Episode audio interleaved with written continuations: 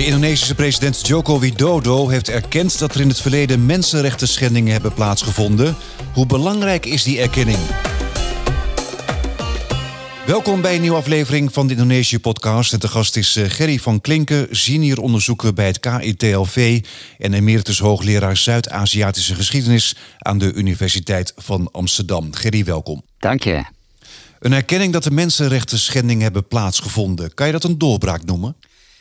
Eigenlijk wel. Uh, het, is, um, het, het, leek er heel lang op dat het uh, een soort Turks scenario zou worden in Indonesië, waar uh, enorme mensenrechten schendingen in het verleden vergeten werden. En dat dreigde wel te gebeuren. En dus dat is, ehm, dat is nu eventjes van de baan. Ehm, er komt erkenning voor wat er is gebeurd. Geen vervolging op dit moment. Waarom niet eigenlijk?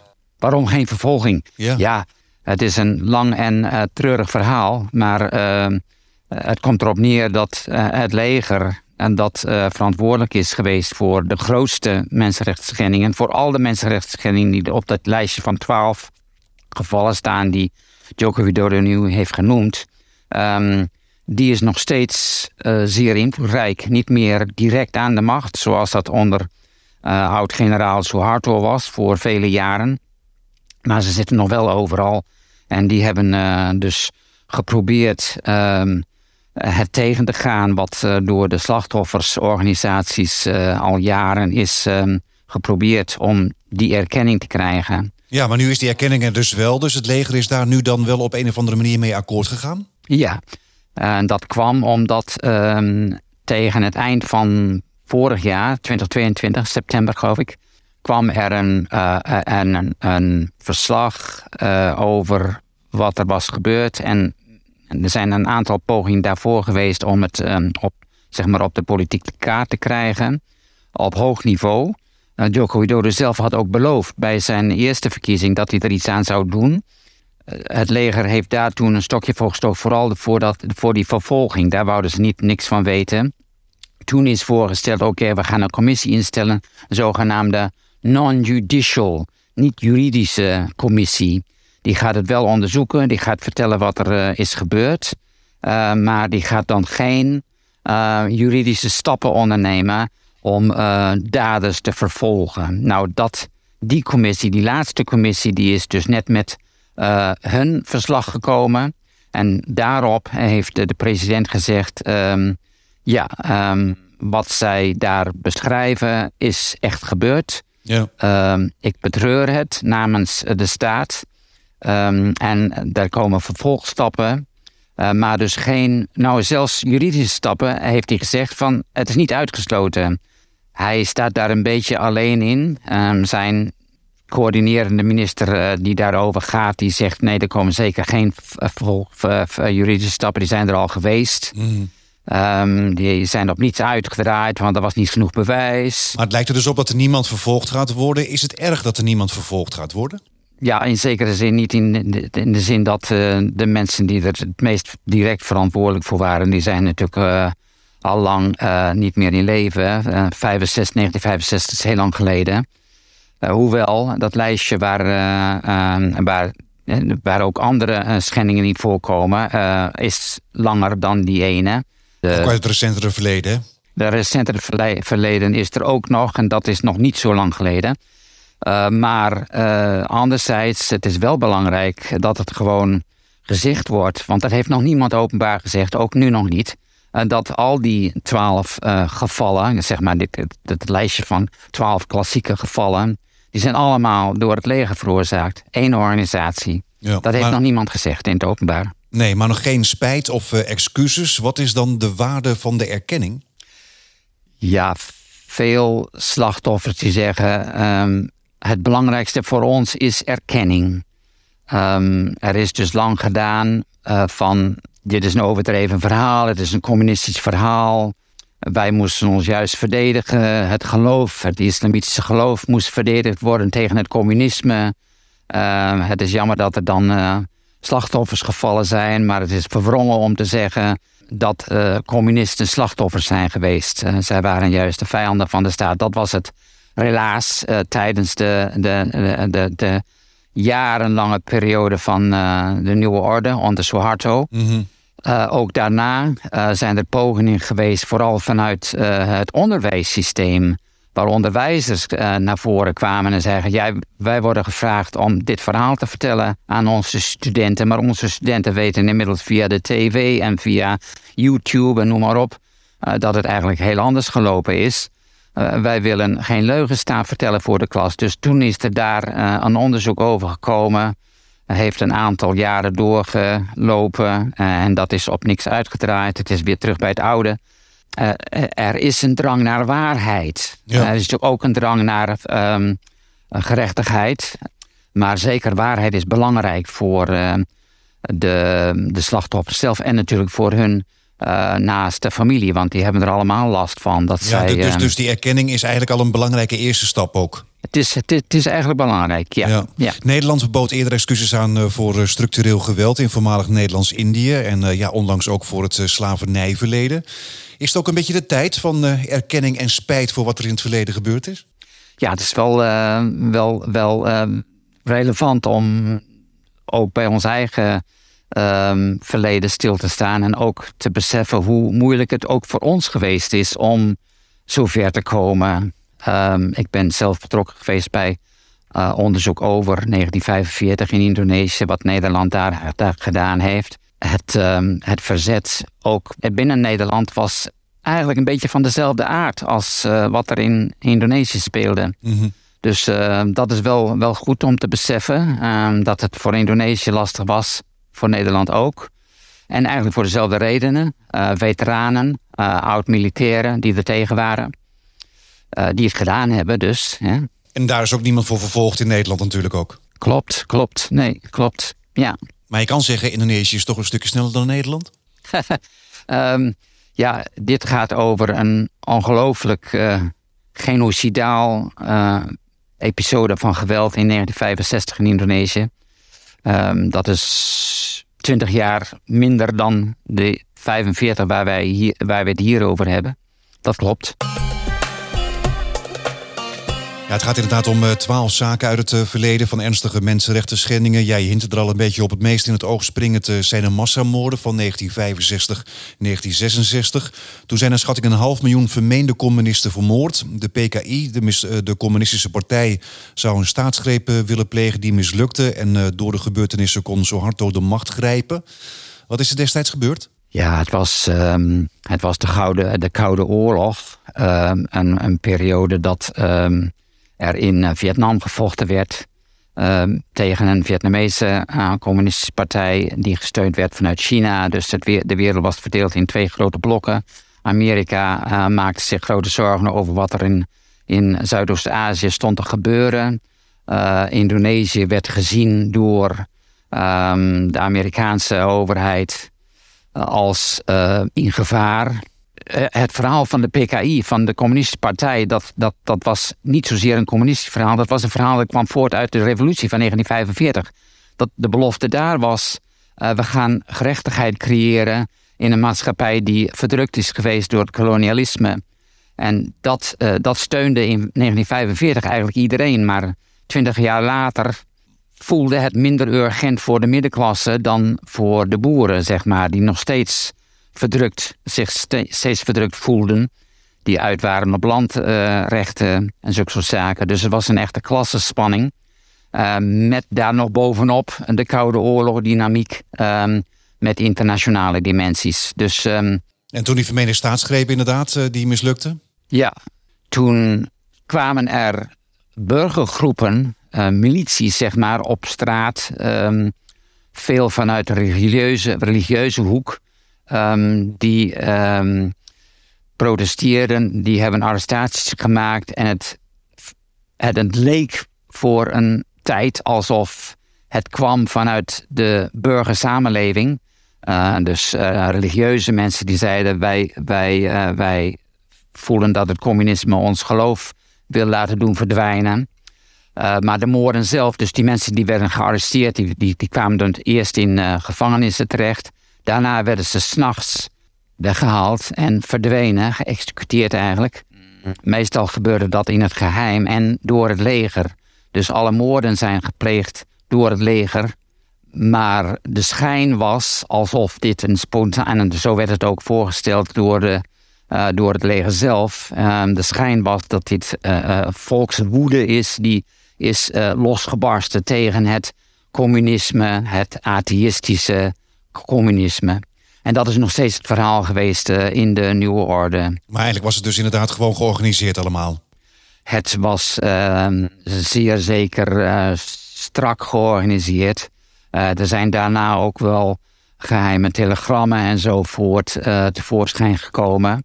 Maar ja, de hele geschiedenis, vooral die aspecten daarvan, die zijn nog steeds niet duidelijk geworden. Um, veel archieven liggen nog op slot. Er wordt onderzoek gedaan, maar er wordt, het wordt tegengewerkt. Ja. Dus het verhaal blijft nog steeds erg onduidelijk. En daardoor, daardoor is het ook um, van belang van groot belang, denk ik, dat de president uh, zich hiervoor uh, inzet. Ook ondanks tegenwerking van binnen zijn eigen kring. Om duidelijk te maken wat er toen eigenlijk precies is gebeurd. Ja. Ja. Zo hard lukte toen uh, om aan de macht te komen. ja, hij heeft de angst voor het communisme ook gedurende zijn regime ook flinke leven gehouden. Ja, het is een van de vreemdste gewaarwordingen als je daar bent en je spreekt met mensen en je gebruikt het woord communisme, dan eh, is het alsof het communisme nog om de hoek staat. Alsof die op het, op, op het punt staat het land over te nemen. Terwijl er al sinds uh, eh, 1966 geen communistische partij meer is. Um, en dat, dat komt ook omdat uh, elke progressieve beweging die, uh, die er opkomt in Indonesië altijd meteen bestempeld wordt als kijk, dit is weer een nieuwe vorm van communisme. Um, dus of het nou gaat over um, LGBT, gendergerechtigheid, of het nu gaat over landrechten, of het gaat over vrouwenbewegingen. Uh, beweging voor emancipatie van, uh, van, van boeren. Of het nou gaat over arbeidersbewegingen, vakbondbewegingen. Het wordt al heel snel vrijheid van meningsuiting in de pers. Het wordt al heel snel bestempeld als communistisch. En met communistisch kan je het inderdaad wegzetten en daar gaat dan ook iedereen nog steeds mee akkoord? Nou, onder de jongeren niet. maar het, ehm, het bestaat nog steeds wel. Um, het hoeft maar één keer in de krant te staan en dan, uh, dan is het ook meteen overal op de tv van dit is een communistische beweging. Uh, er, bestaat wel zeker scepticisme onder, vooral misschien universiteitsstudenten deels. Maar dan ook daar niet overal. Nee, het, het blijft een, een heel raar fenomeen.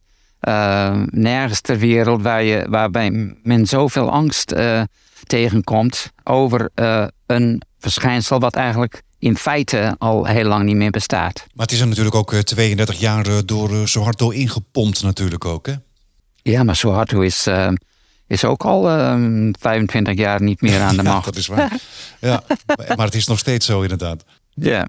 En veel mensen, familieleden van de PKI-leden van de communistische partijen, die hebben ook er nog jaren last van gehad, hè? uitgesloten. Um, ze konden niet bij de overheid aan de slag.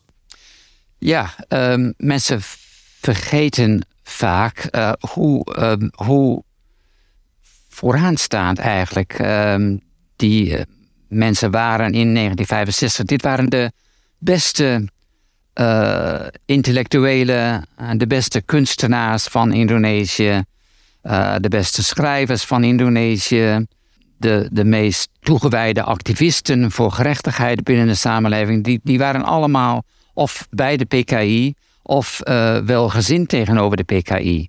Die, die mensen hebben in één klap alles verloren. Het, het aanzicht, het respect, um, het prestige wat ze eigenlijk toen genoten op dat moment. Um, dus uh, hooggeplaatste ambtenaren die opeens alles kwijt waren. Leraren, um, dominees, academici. En tot op de dag van vandaag? Ja, dus die, de, ik, ik heb een verhaal van een, een, een oud vrouwtje uh, in de markt die vis stond te verkopen um, in het uh, armoedigste deel van de markt. Uh, maar die was vroeger de vrouw van de burgemeester. Dat was in een stadje in Timor, waar een, een geweldig mooi onderzoek is gedaan onlangs door jongere vrouwenactivisten. die, die oudere vrouwen heeft opgezocht en die opeens voelden: wauw, dit, was een generatie die ons lang voor is geweest.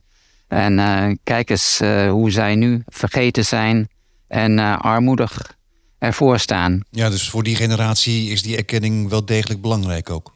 Absoluut. En natuurlijk ook voor hun kinderen, want ehm, die moesten dan ook. Het stond namelijk op je identiteitskaart, dus iedereen die wist het.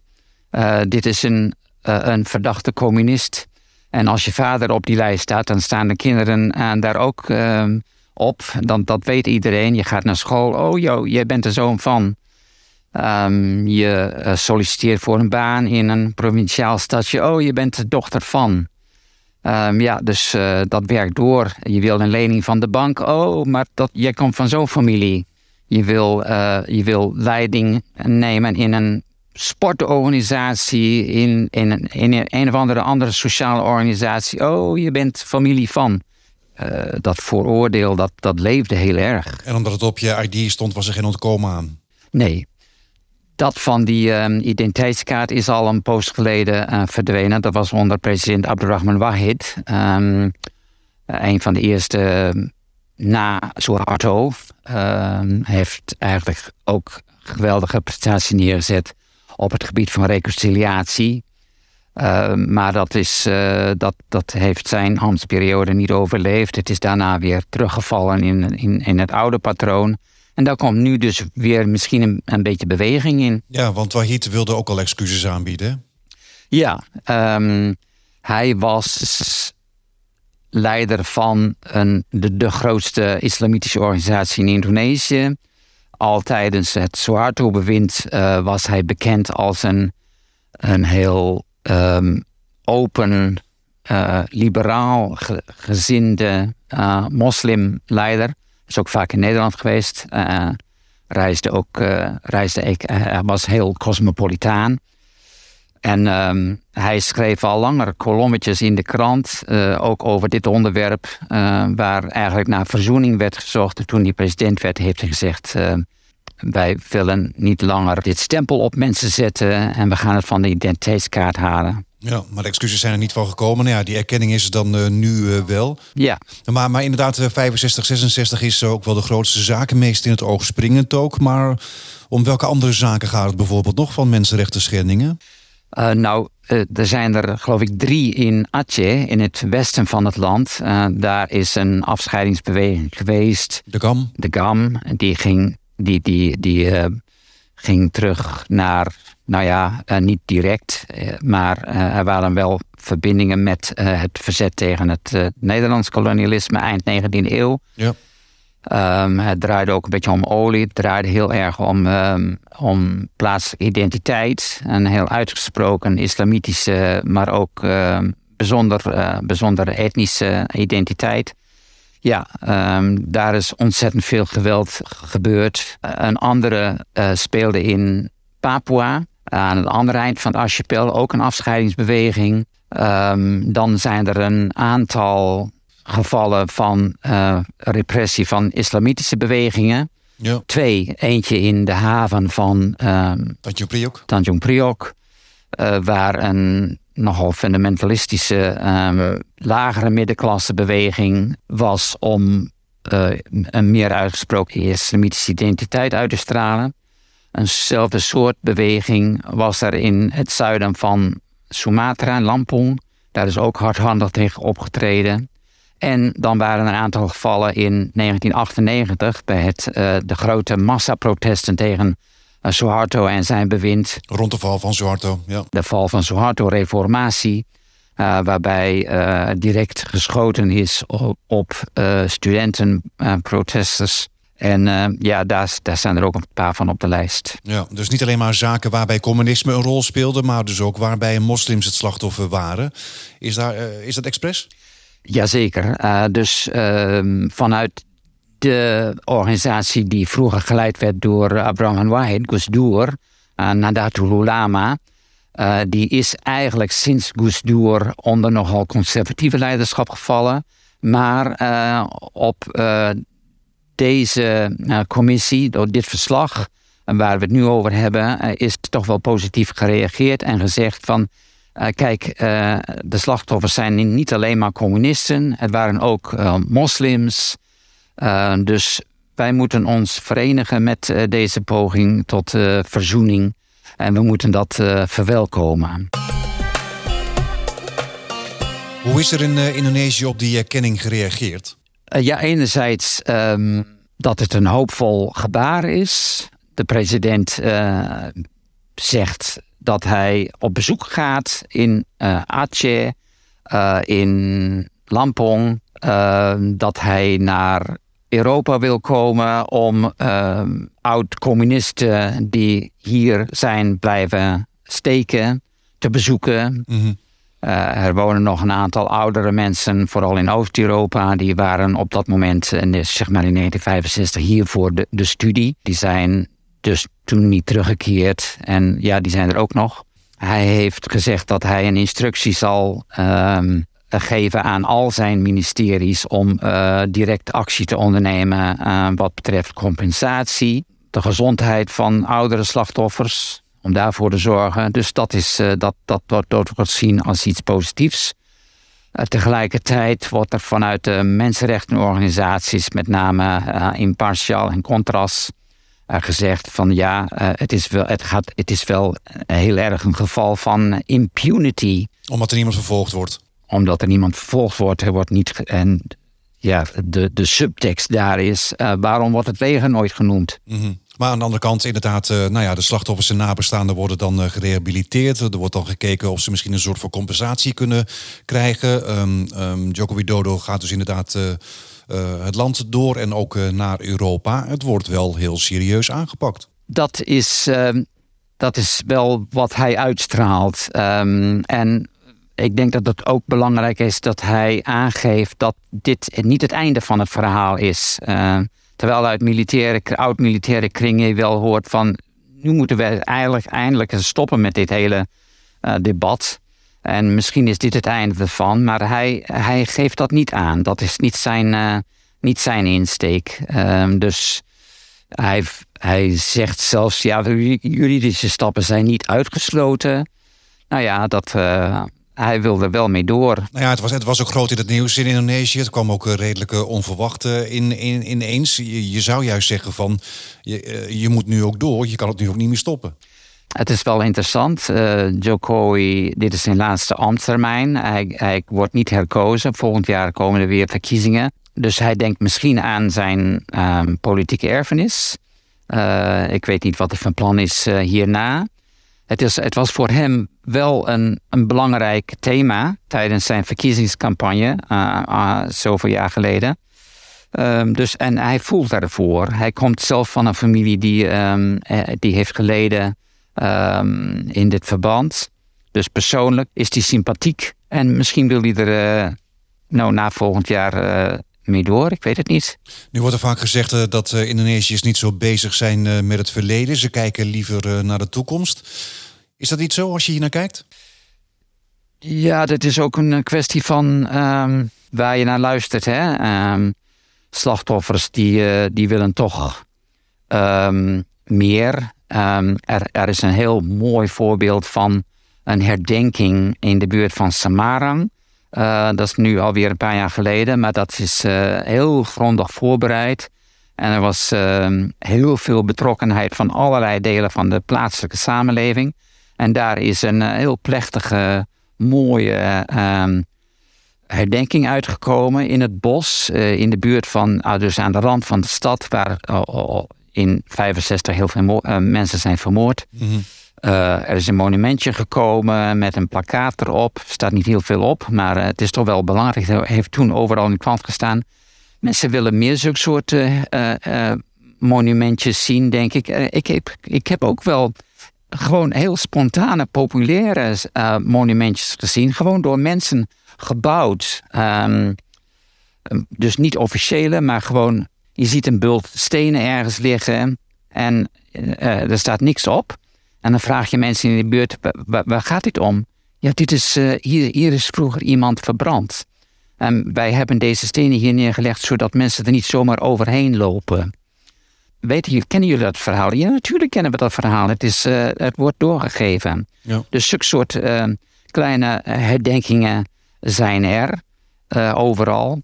En ja, het is natuurlijk nog zoveel te doen. Um, er is nog nooit een lijst gemaakt van alle slachtoffers bijvoorbeeld. Niemand, niemand weet de namen van deze mensen. De bedoeling was, was dat ze uh, zouden verdwijnen uit, de, uit het geheugen, uit de geschiedenis, gewoon weg. Mm -hmm. uh, als als uit, oud vuil. Nou, um, de, er zijn misschien wel 10.000 uh, massagraven in Indonesië. De locaties daarvan weten we niet eens. Er, er, worden kleine pogingen gedaan om, om dat nu nog te achterhalen. Want plaatselijk weten mensen dat absoluut wel. Ja. Um, ja, zulke soort, uh, daar is wel steun voor. En er werd ook uh, wekelijks uh, waren de kleine demonstraties bij het paleis hè, om aandacht te vragen voor wat er destijds is gebeurd en met PKI-leden en nabestaanden. Ja, die nabestaanden, dat was vooral um, in verband met 1998 en moeders van um, studenten die toen gedood zijn, hebben zich ingezet, geïnspireerd eigenlijk door de moeders van Argentinië, die daar jarenlang elke week hebben geprotesteerd. Dus dat hebben ze hier ook elke donderdag, meen ik, voor het paleis gedaan met hun paraplu's.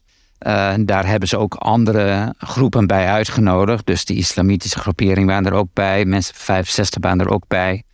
Um, dus ja, die hebben zich ingezet en die blijven zich inzetten, denk ik. Dat komt van onderaf.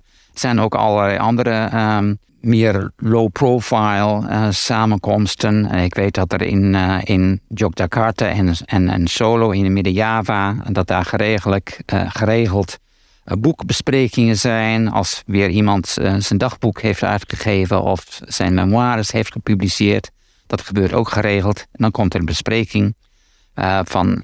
herken je dit? Ja, natuurlijk. We hebben precies dezelfde ervaring.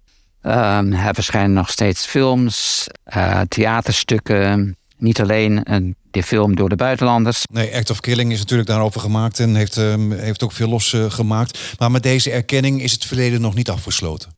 Het is nog niet afgesloten, dat klopt, nee. Er moeten nog vervolgstappen komen.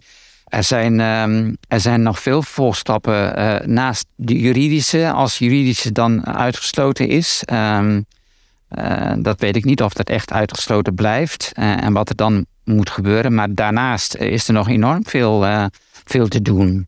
vooral in, op het gebied, denk ik, van memorialisatie, zoals ze dat noemen. Dus iets soortgelijks als wat er in, in Rusland heeft gespeeld met de hongersnood van Oekraïne in de jaren 30, de collectivisering.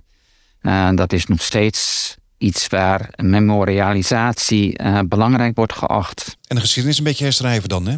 Ook dat, ja. Momenteel is het het geval dat jongeren op school eigenlijk twee totaal andere verhalen horen. Dus op school horen ze één verhaal dat lijkt nog heel erg op wat ze, wat ze in de nieuwe orde zouden hebben gekregen. En dan buiten de school op de zeg maar meer kwaliteitstelevisiekanalen uh, in kwaliteitstijdschriften, uitgevers, YouTube komen ze een heel ander verhaal, veel meer menselijk verhaal tegen. En ja, dat moet, dat moet op een of andere manier toch uh, samenkomen.